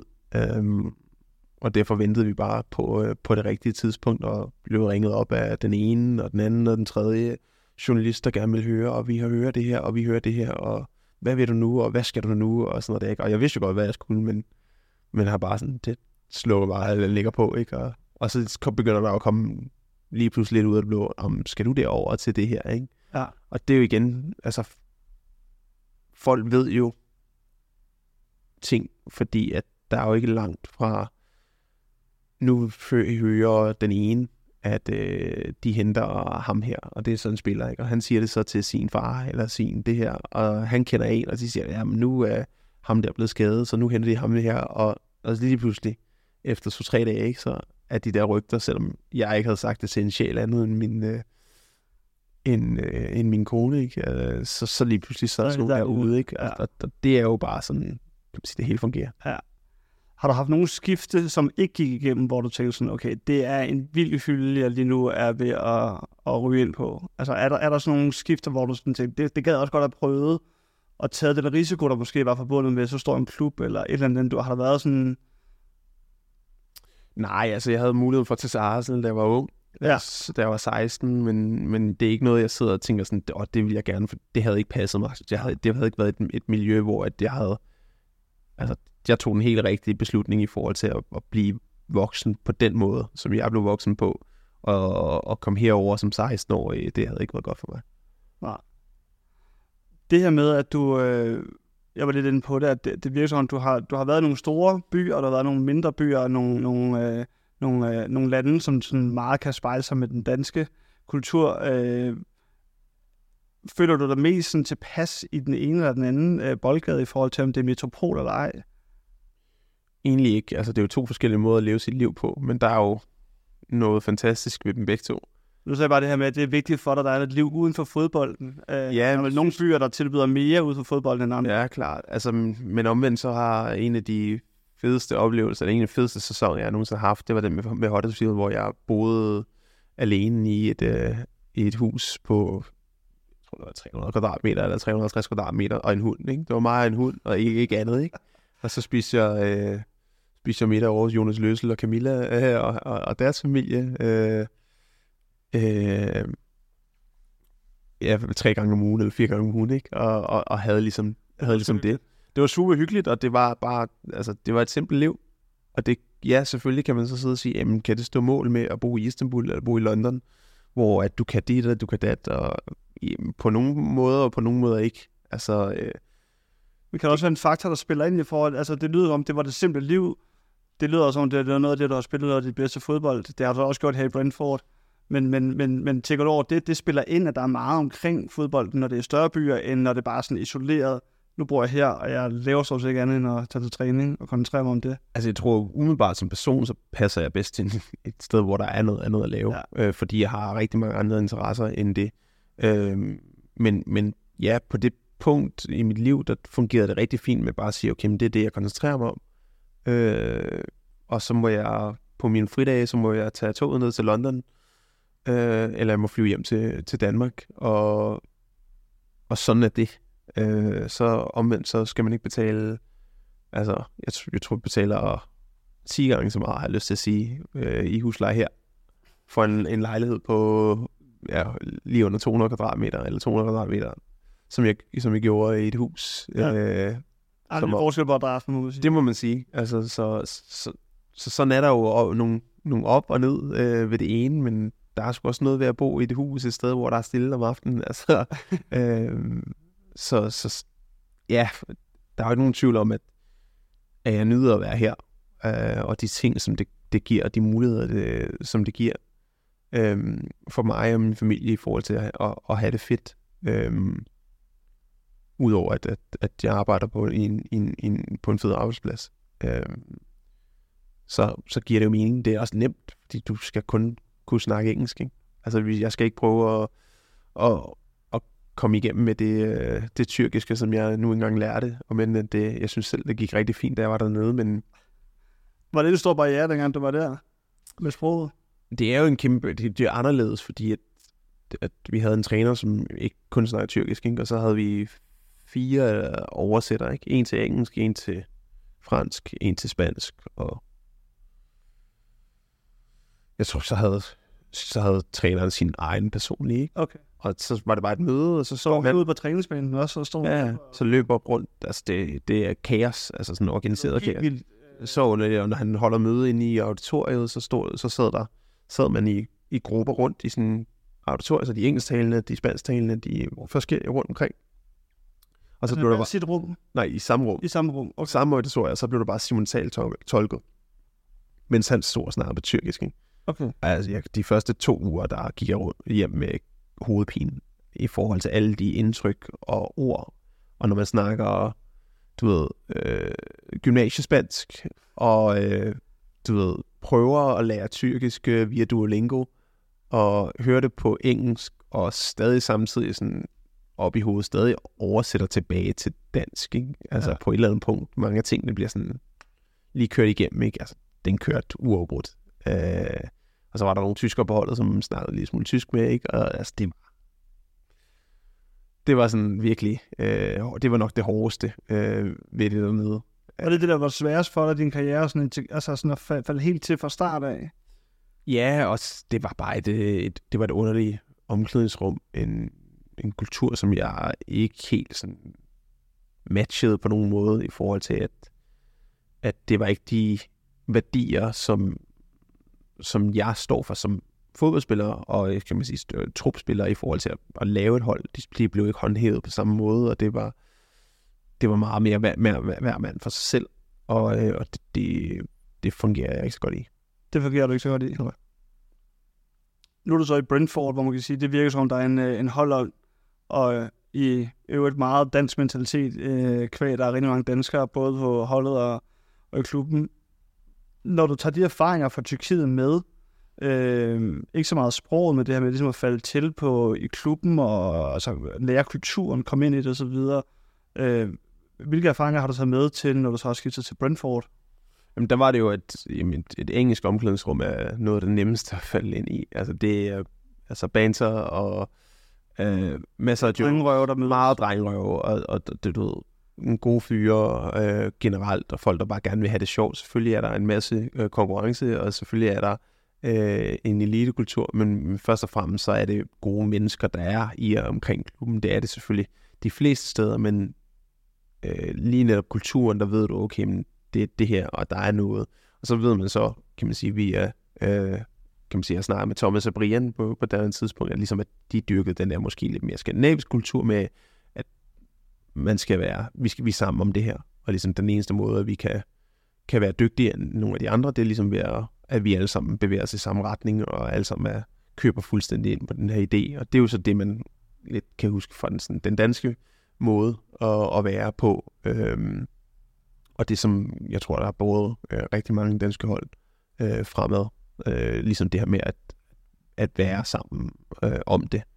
Øh, og ja, så det var sådan et, det vidste jeg, jeg ville falde rigtig godt ind i. Jeg kendte selvfølgelig øh, en del af drengene, som, øh, som var der, så, så det, det var jeg ikke i tvivl om. Var det, altså, det kan være, jeg søger lidt her, men nu har du så hjem til FCK to gange. Var Brentford også en, en platform, hvor at der var nogle af de, øh, sådan, der, var, der var meget velkendte ansigter og omklædningsrummet, da du kom ind. Der var, der var en del, man kunne snakke dansk med i forhold til det med, med det tyrkiske i, i, i Fenerbahce. Kunne du mærke nogle af de ting, som ligesom gjorde, at du tog hjem for ligesom at, at, at, at finde trygheden i, i FCK og det kendte, som også var til stede i Brentford, og som stadig er til stede i Brentford? Øhm, det var ikke lige så meget. Nej, det havde, det havde faktisk ikke, øh, lige på det punkt havde det ikke så meget med det at gøre. Der var det ikke dansk. Selvfølgelig var der noget ved at vide, øh, jeg ved, hvordan de spiller, fordi på var en tidspunkt, den måde, vi, for, altså, den måde, vi forsvarede på nu, og den måde, vi gjorde det dengang, var, øh, var det Brian Riemer, der ligesom stod for det, og det system har han taget med over fra FCK af, så jeg vidste lige på det punkt, sådan spillemæssigt, der behøver jeg ikke at lære noget. Nej. Så jeg skal ikke bruge de første par uger på at lære en helt ny måde at spille fodbold på, fordi det er bare den måde, jeg altid har gjort det på. Øhm, og, og det er jo selvfølgelig en, en tryghed i, i sig selv. Selvfølgelig skal jeg så øh, op på, øh, kan man sige, op i, i, i tempo i forhold til, at, øh, at fra den tyrkiske liga til Premier League, der er tempoet en del højere, men det ved jeg, jeg kan gøre, for det har jeg gjort før. Så, mm. så det er ikke noget problem, og så er det bare at vente, øh, kan man sige, på sin chance i forhold til at få lov til at vise det. Men det med det taktiske, betyder det så meget, når man skifter klub i forhold til, øh, hvordan det er, de spiller? Øh, du er centerforsvar, har nogle gange spillet øh, i tremandsforsvar også. Altså, betyder det så meget, at, at, at man skal lære en helt ny spillestil? Eller? Ja, det betyder jo, om de beslutninger, du træffer og skal træffe derinde, øh, om du gør det med overbevisning om, at det er det rigtige. Og, altså, når du gør det, så er du er tæt på dit 100%. Hvis alle de ting, der sker, er den første indskydning i din hjerne, det er at gøre det her. Og hvis det så er det rigtige, jamen, så er du så meget bedre stillet til at, at, at få succes ind på en fodboldbane, hvor at, hvis du først begynder at tvivle på dig selv, eller sige, var det nu også det her, de gerne vil have mig til? Jamen, det kan være nok til, at der lige går et splitsekund, før du træffer en rigtig beslutning, og det er nok til, at der er en, der løber forbi, eller der er en, der gør det rigtige, eller det forkerte. Øhm, og så er det jo sådan lidt en dominoeffekt i fodbold, det der med, at hvis der er en, der lige mister sin, så næste og den tredje kommer så også for sent, og så kan det være helt, øh, kan man sige, så kan det være katastrofalt, ikke? Og, og, og det gør det jo så, at jamen, hvis du ved, hvordan de spiller, du ved lige præcis, fordi det du trænet i, eller du ved lige præcis sådan her, du har du fået, nu har du trænet i tre måneder, øh, du ved lige præcis, hvad du skal gøre i den her situation, du har, kan man sige, selvtilliden til det, og du har overskud i forhold til det, så kan du gøre alle de andre ting, som måske gør dig endnu mere bedre, eller gør din kan man sige, holdkammerat øh, bedre. Øhm, og jo mere du har det, jo bedre bliver dit hold. Ligesom, øh, jo flere du har spillere, som ikke skal gå og overveje, om det de nu gør, også er det rigtige. Har det været nemt for dig at træde ind i en ny omklædningsrum i, i din karriere? Jeg ved, der, der har været mange sjove øh, historier, eller ikke sjove, men der har været nogle historier omkring, at øh, Mathias Sanker vil man gerne have sit omklædningsrum, fordi han bringer en eller anden form for ånd eller kultur, om man vil. Øh, jeg ved, du har været DJ i stort set øh, samtlige klubber, mm. du har, har været i. Hvordan træder du ind i et omklædningsrum for både at vinde din plads i hierarkiet, som man jo ved, der er, øh, men også være en, der sådan skal integrere sig? Det er jo sådan lidt forskelligt. Altså, det kommer også an på, hvornår, hvor, hvad, hvor kommer du ind? Hvad kommer du med? Øh, hvor er du? Hvor gammel er du? Altså selvfølgelig, måden jeg kommer ind i et ungdomsrum i, i PSV er jo helt anderledes end måden jeg kommer ind i, i, i et øh, Brentford for eksempel, eller Huddersfield for den sags skyld. Øh, fordi man kommer med noget andet. Kommer du med succes i baglommen, så kommer du måske også med lidt mere overskud, og lidt mere sådan lidt, hey, her kommer jeg, og andre steder, der tager man lidt den, kan man sige, den rolige hat på, og så siger man, okay, ved du hvad, jeg har tid nok til at, at arbejde mig ind her, og jeg skal også lige mærke, øh, hvordan er det naturlige hierarki, hvor er der ligesom en plads, jeg kan smutte ind på, og så kan man altid rykke ja, op eller ned i forhold til, okay, hvad, hvad passer, hvad er det holdet ligesom sådan har brug for, hvad har truppen brug for? Har de brug for endnu en, der kommer ind og, og, og står og skriger og fortæller folk alt, hvad de skal gøre? Eller er der allerede sådan en der, okay, fint, så kan man tage sådan en, en, en anden rolle, og så kan man sige, arbejde sig op til, til der, hvor man er, er meget vokal og, og ligesom ved, hvad det er. Nogle gange har man også brug for, at, at, at folk ligesom får lov til at se, hvem man er, inden at, øh, at, at man ligesom braser ind og siger, okay. Og kæfter op. Ja, præcis. At, ja. Øh, at man også er, hvordan er man som person, hvordan er man som menneske, hvordan tager man kritik, hvordan giver man kritik, er der, ja, kan, er der sådan en, man kan stå og diskutere med, er du sådan en, der slet ikke er til at komme igennem til, når, øh, når du mener, at du har gjort noget rigtigt eller forkert, ikke? Ja. Det er også svært at undersøge på forhånd, hvordan omklædningsrum er, for der kan jo ske noget hele tiden. Der er jo spillere, der kan komme og gå, og så ændre det sig. Så det er vel også svært, der, man kan jo finde ud af, hvad er ligesom kulturen, hvordan plejer de at have et omklædningsrum, men det, det kan jo ændre sig. Der kommer nye spillere og så videre. Jeg tænker, du har også haft nogle, nogle medspillere, som man ikke har kunnet lige så godt med som med andre. Altså har der haft spillere, hvor du tænkte, ham der gør ikke livet federe for mig her i klubben? Ja, selvfølgelig har jeg det. Øh, jeg vil sige, de fleste steder, jeg har været, der har det faktisk været, at jeg kunne. Jeg, jeg tror, min, min grund til, at jeg måske nogle gange har fået den der, at okay, men han er fed at have i, i en trup og gøre, kan man sige, miljøet bedre, og det, det er fordi, at jeg kan med, jeg, ja, lige på det punkt er det måske sådan lidt blæbsbrudt, ikke? Man kan lige, har lige en finger her og der, alle vegne har det fint med de, de unge, er nu gammel selv, øh, kan jeg snakke med på fis og blade, kan snakke med på, øh, om det hedder investeringer og børn, kan altså sådan lidt, er lidt over det hele Øh, af danskere, af, kan man sige, har brugt meget tid i England, øh, er, kan man sige, af en anden farve øh, end de andre, og kan man sige, af udlændingen, og altså, så det hele er ligesom, okay, man er lidt her, det er alle vegne, og det gør ligesom, at, at der er mange, der kan, der kan relatere øh, til mig, og så er det jo noget, jeg, jeg kan godt lide at lære folk at kende. Jeg, jeg er måske bare en, som ikke ikke fed person, men altså øh, øh, en person, som, som godt kan lide, at, at folk har det fedt og, og er interesseret i, hvem de er. Fylder det meget for dig, hvis du har de her holdkammerater, og har sikkert haft det i din karriere, fylder det meget for sådan din, din hverdag, øh, også, i, også i forhold til, når man er ude på, på træningsbanen, og man er jo ekstremt meget sammen som holdkammerater i forhold til øh, normale medarbejdere i, i virksomheder. Øh, fylder det noget for sig som dig, eller er du god til som at lukke det ude på en måde og sige, der er typer, som ikke, øh, ikke, ikke klikker med mig, omvendt, og så får man det til at fungere på professionelt niveau? Ja, jeg tror på professionelt niveau, så har vi trods alt så meget til, til fælles. Altså, der skal virkelig meget til, før vi ikke alle sammen kan grine af øh, et eller andet, der sker på, kan man sige, på banen, eller øh, du ikke rigtig har de samme... Altså, vi er nogenlunde... Nu ved jeg godt, at man er kommet lidt op i alderen, så der er nogen, der er 10 år yngre, 13-15 år yngre. Altså, det er der jo. Øhm, men der er jo ikke så stor forskel på en 25-årig og en 28-årig, eller en 25-årig og en 32-årig eller 33-årig. Øhm, så det er ikke så lang tid siden, at jeg var der, og selvfølgelig godt kan forestille mig, hvordan det er at være ung, eller at have været et, er et sted, hvor det, det ikke går så godt for, for en person at sætte mig ind i det, eller går rigtig godt for en person at sætte mig ind i det, og så på det punkt, så men selvfølgelig er der nogen, man ikke klikker med. Altså, det er der, men der er ikke nogen, der siger, at vi skal være bedste venner.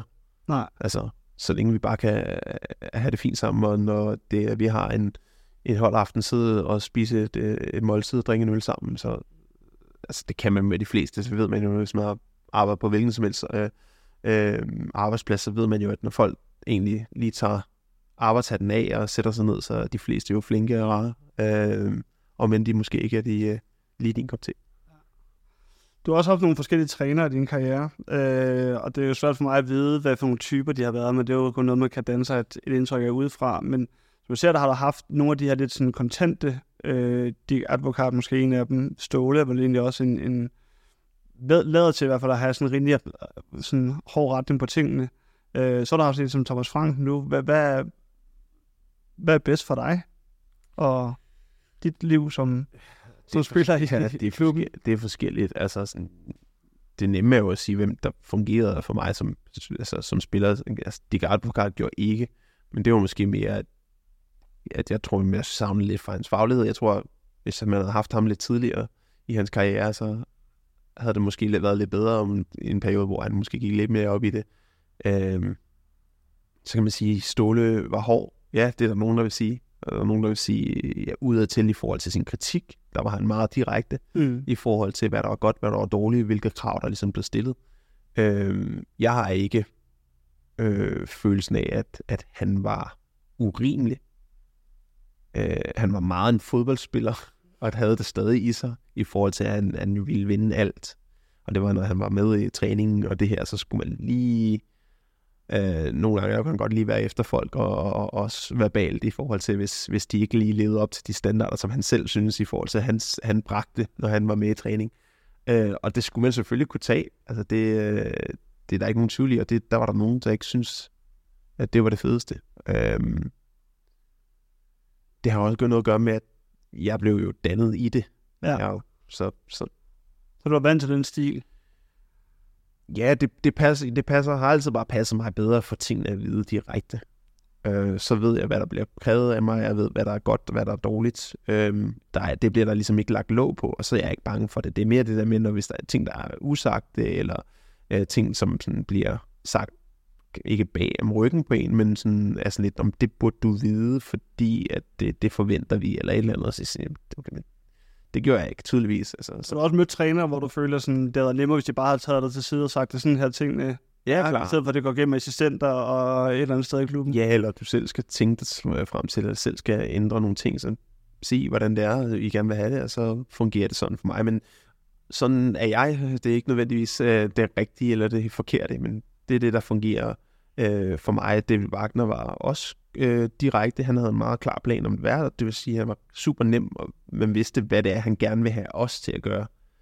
Øh, og så har der været andre trænere, jeg har haft, som var mere loose i det, og siger, okay, men nogle gange så det er det rigtige, nogle gange så det er det rigtige. Og, og, og det fungerer jeg ikke særlig godt under i forhold til, at jamen, hvad vi så gerne have os til? Øh, fordi det nytter jo ikke noget, øh, hvis jeg løber til højre, og ham den anden løber til venstre. Øh, fordi vi skal ligesom alle sammen trække i samme retning øh, på det helt rigtige tid, hvis vi skal være et, øh, et, en, kan man sige, et, et, et hold, der fungerer. Øh, men det der kan der være der andre, der, der fungerer langt bedre under. Og øh, sådan, sådan er fodbold bare. Hvordan har du sådan taget skideballer til dig, og i rettensættelser i, i, sådan igennem din karriere? Er, er det noget, du...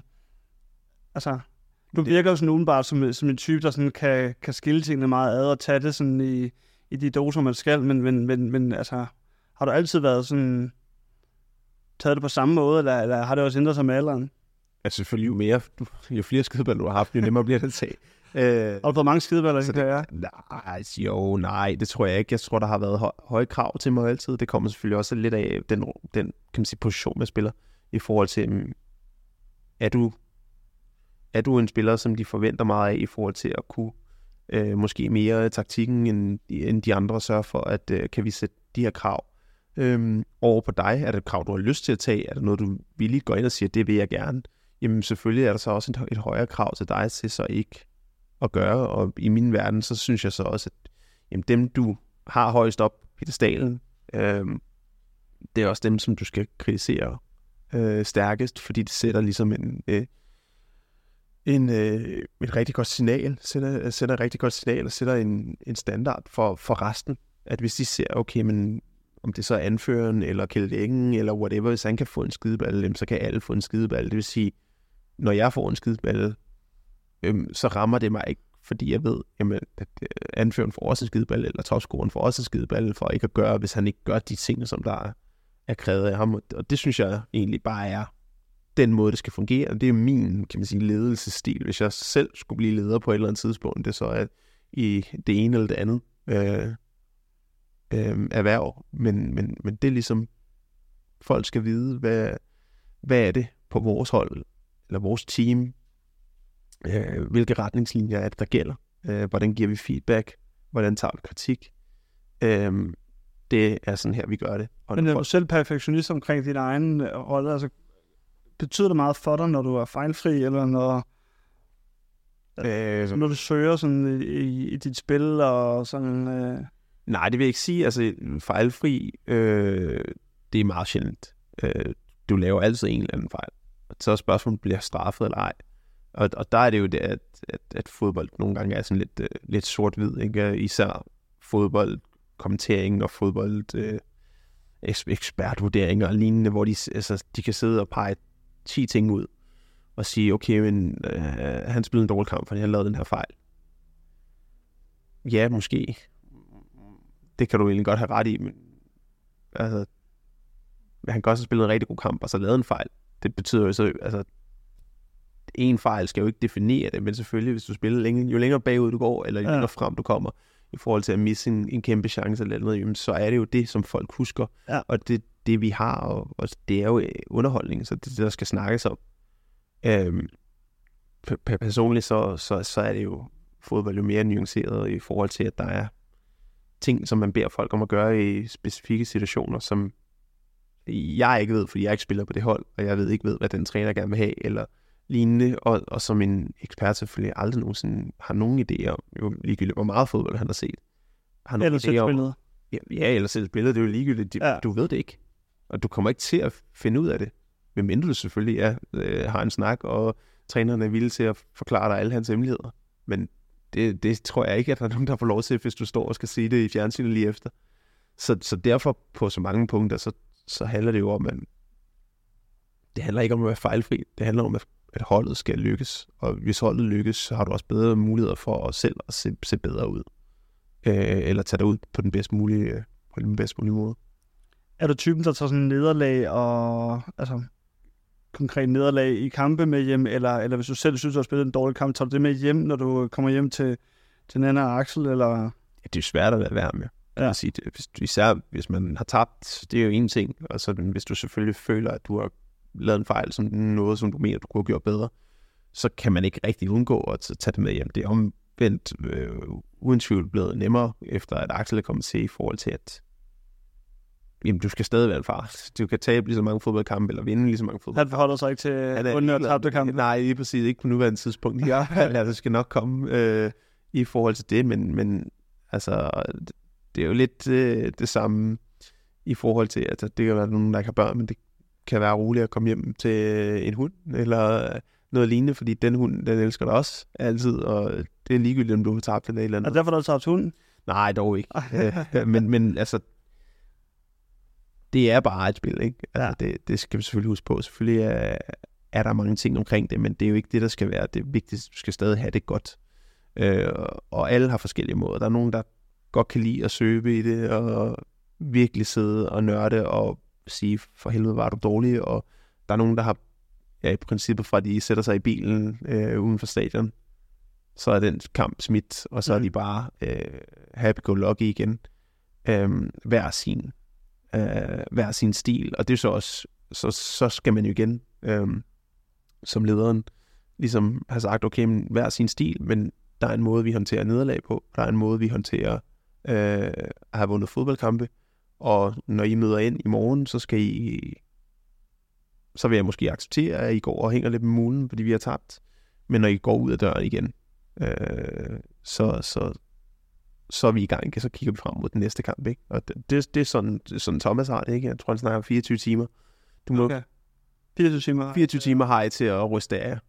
Så vil jeg se noget andet fra jer. Så er vi, nå, så er vi videre. Ja, Ja. ja. det nede, når I, ja, det gjorde også ondt på mig. Mm. 24 timer, Okay. og så er vi i gang igen, fordi fodbold står ikke stille. Men er noget, der er brugt meget? Du, du, har, du har nævnt det et par gange nu her, hvor vi har snakket, at, at fodbold er, et, er bare et spil, kan man sige. Jeg ved, du også har, du har tidligere udtalt på et tidspunkt, din mor fortalte dig, at Mathias skal bare stoppe med at spille mm. Fodbold, hvis ikke han er glad. Mm. Jeg tror, der var en periode i PSV og FCK, også, hvor, hvor der har, har, har været det sted, hvor hun i hvert fald har sagt det. Har du været god til at bruge det sådan i din karriere? Så det, det er bare et spil, jeg, jeg skal også fungere som menneske ved siden af. Jamen, det er jo så der, hvor jeg synes, at sådan, altså hobby, øh, andre hobbyer end fodbold, eller andre interesser i end fodbold, er vigtige at have. For du, du bliver nødt til at have en eller anden ventil et eller andet sted, som giver dig øh, muligheden for at komme ud af, af den der, for ellers så er det en boble, og den, den er drænende. Og ja, hvis du er ekstremt stærk mentalt, jamen, så kan det godt være, at du kan leve i det hele tiden. Det tror jeg ikke selv, jeg ville kunne. Øh, meget af, af det overskud, jeg får øh, som menneske, og som, kan man sige, også som fodboldspiller, det får jeg andre steder fra end fodbold, og øh, fra mine andre interesser eller idéer, øh, end, end, kan man sige, som menneske, og ikke som fodboldspiller er det også øh, nogle af de øh, baggrunde, der ligger for, at øh, jeg ved, du sidste år blev ambassadør for UNICEF, øh, og du har også investeret i din barndomsklub B93 via en, øh, via en større øh, netværk af mennesker. Er der også nogle af de ting, som sådan skal holde dig lidt kørende ved siden af, og holde, holde pæren kørende ved siden af, og, og lave nogle andre aktiviteter? Ja, altså det ene ting selvfølgelig, kan man sige, får du en platform for æret, så, så, så synes jeg også, det kræver ligesom, at man sådan siger, okay, der er nogle ting her, jeg gerne vil, vil, vil hjælpe, hjælpe med til. Og alt, hver sin smag igen i forhold til, hvad synes du er spændende i forhold til at, at hjælpe med til. Øhm, og, og, og der er ikke nogen, der... Alle skal ikke være UNICEF-ambassadør, alle skal ikke øh, være barnet eller Røde Kors. Det, det kan også være noget helt andet, eller noget meget mere lokalt, eller noget øh, dit eget fodboldhold, eller din venners fodboldhold det, det skal være helt fri til. Men, øhm, men jeg synes, at det, det er en god ting øh, at, at gøre, noget som jeg øh, nyder at gøre. Øhm, B93 ting var sådan, det gav bare mening i forhold til, at det var noget, jeg kunne gøre med nogle af mine venner, og, og, og, og, og ligesom forankre mig øh, øh, der igen. Øh, så ja, det er det, det her med, at, at man skal være andet end, altså, være andet end fodboldspiller, men jeg kan jo ikke slippe for prædikatet, at jeg er fodboldspiller, og øh, det meste af mit liv jeg nok, kan man sige, når jeg en dag stopper med at spille fodbold, så vil jeg nok stadig være, blive, kan man sige, kaldt den tidligere fodboldspiller, ikke? Uh, og, og sådan er det bare. Nu, øh, du er ikke stoppet med at spille endnu. Gudskelov for det, mm. for dit eget. Mm. Øh, men føler du, at du nu øh, har udlevet de drømme og ambitioner, som, som du havde, da du løb rundt og spillede fodbold i B93 som, som ungdomsspiller? Eller, eller er der mere, der skal nås? Øh... Ja, det tror jeg egentlig, jeg gjorde for lang tid siden. Okay. Så de drømme, jeg havde dengang, det var egentlig ikke om at spille fodbold til at være 38 eller 40, eller nå 500 kampe, eller 10 mål, eller 100 mål, eller øh, altså, der, det, det, det var der ikke rigtigt. Altså, så, så... Du har været et sted, hvor du tænkte, nu, nu har jeg sådan set fået det ud af fodbolden, som jeg drømte om. Jamen, det tror jeg, jeg fik ekstremt tidligt. Okay. Altså, jeg tror ikke, jeg tror, det, derfra har der været oplevelser. Øh, men jeg har aldrig kunne, min, min vildeste fantasi har aldrig kunne gøre mig klar til alle de oplevelser, jeg har fået i fodbold. Så jeg, jeg vil ikke være i stand til at drømme det. Øh, der er der helt sikkert nogle ting, som jeg som lille knægt har tænkt, åh, det der, det vil, det vil bare være det fedeste i hele verden. Og score et mål i El Clasico eller et eller andet. Men havde jeg selv drømt om, at jeg ville score et mål i en VM 8. final efter et minut. Nej, det havde jeg ikke. Og den følelse og det... Øh, den vil du gerne bytte? Eller den bytter mig gerne? Jamen, altså, det er jo svært at sige. Det, den havde jeg, det, det er fint, ikke? Altså, hvis det er det, jeg får, altså den følelse at, at, at gøre det, den nedsur, det så var at ryge ud bagefter, alle de der følelser, øh, alle de der situationer, hvor man har været presset øh, og kommet ud på den anden side uskat, øh, eller vundet, eller alle de ting, der kunne, kunne, kunne have været. Altså, øh, jeg har prøvet at rykke ned. Øh, altså, alle de her ting er med til ligesom at danne en historie, som, altså, som jeg sidder og skriver om mig selv, ja. og som på ingen måde bare er færdig den dag, jeg ikke kan spille fodbold længere øh, professionelt. Altså, fordi så skal jeg jo til at bruge alle de erfaringer på en anden måde. Øh, hvordan, det har jeg så ikke lige fundet ud af nu, men altså, det er jo bare med til øh, den her, kan man sige, øh, det føles jo som om jeg sidder og, og skriver i en af Axels farvebøger, ikke? Sådan bare hver dag bliver der bare skrevet noget nyt. Om det så er et super simpelt, øh, en super simpel dag, hvor vi ikke laver andet end at gå, jeg kan lave andet at gå til træning og sidde på en café øh, med ham så er det også noget, der er sket i dag, og også noget, der er med til, øh, til den her videre fortælling om ja, mig og, og mit. Og det her liv som, som far har det også sat tingene lidt i perspektiv, øh, og forstærket det her med, at det er et spil, og øh, der er også et, et andet liv øh, uden for kridtstregerne. Ja, altså det tror jeg, det er noget med, jeg synes, jeg har hørt mange gange i, for, i forhold til folk, at sådan, det har gjort, om det så har gjort den bedre eller, eller dårligere, men det er i hvert fald nemmere at håndtere i forhold til, at ja, der kommer flere ting, men de vigtige ting bliver også bare udpenslet i forhold til, at okay, der er bare nogen, der stadig skal have mad, eller kærlighed, eller skiftet en blæ, skiftet en blæ, eller leget med, eller et eller andet. Det, det slipper ikke, fordi at du har vundet, eller tabt, eller hvad det er. Altså, det skal stadig gøres, og det er det, der er vigtigst. Øhm, og det, det er bare, en, en, det er jo en bekræftende følelse af, at ja, nu går fokus på at, at, at få ham til at vokse op, og på et eller andet tidspunkt, så er det ham, der er den vigtige, og mig, der, der, der er gået på pension. Altså ikke bare nu her, men øh, fodboldpension, men, men en rigtig pension, ikke? Og, og, og det er ham, der lige pludselig skal til at, at, at gøre noget og lave sin egen familie på den ene eller anden måde. Altså alt det øh, finder man jo ud af, at lige så snart de vokser op, jamen, så handler det jo om dem. Så er man lige pludselig birolle i sin egen, i sin egen film, ikke? Når du engang ikke skal spille fodbold mere, ved du så, hvad du så skal lave? Øh, ja og nej. Bliver det inden eller uden for fodbolden? Eller er det ja, to be decided? Ja, det er, det er lidt to be decided, fordi jeg, jeg, for nogle år siden, så havde du spurgt mig, så altså, jeg skal så langt væk fra fodbold så overhovedet muligt. Øhm, Hvorfor det? Fordi at det er... Fordi fodbold er urimelig. Øh, fordi det handler ikke om, hvem der arbejder mest, eller længst tid, eller hårdest. Øh, det er ikke altid dem, der har fortjent det mest, der vinder. Øh, folk, der gør et rigtig godt stykke arbejde, kan blive fyret fra den ene dag til den anden. Øh, der er så meget politik, der er så meget... Øh, du kan have, ja, altså det med, at du kan gøre et fantastisk arbejde i et helt år, lykkes alt og godt, og så starter du året lidt dårligt på den anden side af det, og så, så er der en, der mister sit job på den ene eller anden måde, eller ja. Så, så på det punkt, så er det noget, jeg bare skal så langt væk fra som overhovedet muligt, men omvendt, så hvis man tager en anden kasket på, og du kunne jo godt se dig selv inden for fodbolden. Jamen, så, så arbejder du med mennesker.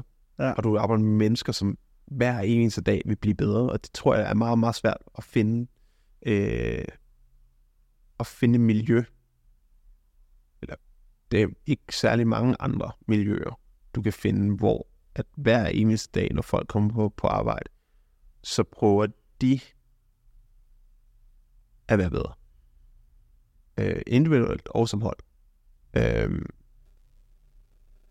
og der tror jeg, at det er lidt unikt øhm, elitesport øh, kontra andre ting. Så ja, der er ikke nogen tvivl om, at det, det er noget af det, jeg kommer til at savne allermest, når man, man en dag stopper med at være elitesportsmand. Det er ligesom det der med, okay, hvad, hvad, at være i et, i et miljø, øhm, hvor der er så meget pres på, og hvor at det er så øh, små ting, som ændrer øh, succes og Øhm, og failure. Altså sådan, det,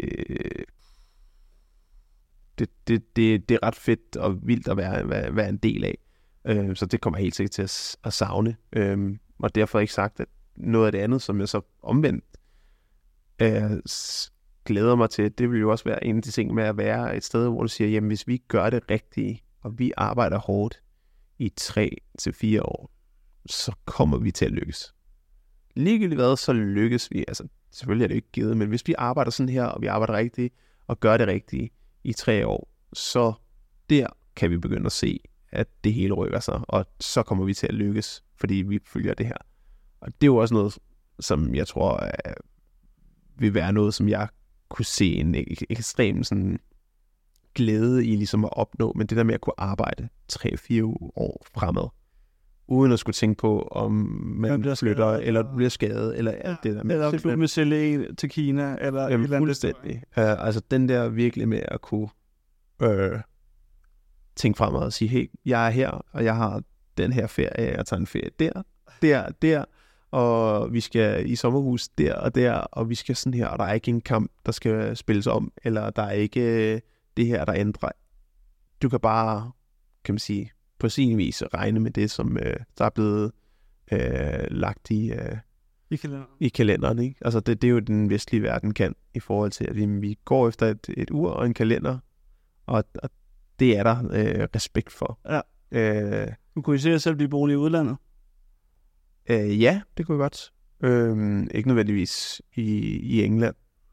Jeg tror, hvis vi skulle øh, bo et sted i udlandet, så skulle der være lidt øh, noget lidt andet værd i forhold til det. Men altså, så længe at, øh, at Axel stadig er, kan man sige, under 8, så kunne jeg sagtens se os øh, bo i udlandet og, og opleve nogle ting som, som familie og øhm, ja, og prøve noget, som, som ikke er... Vi ved jo, hvad det er, der venter os øh, hjemme øh, i København. Der er vi rimelig sikre på, at vi, vi ender der på et eller andet tidspunkt. Ja. Men København er også København om, om to, tre, fire år.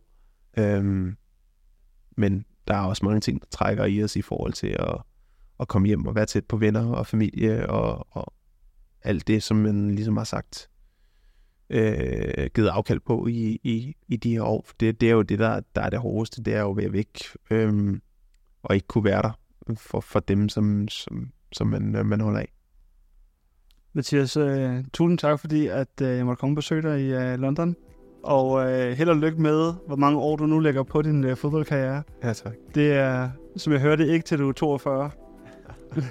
Nej, forhåbentlig ikke. Men du vil se. Men øh, tusind tak, fordi du vil være med. Altså.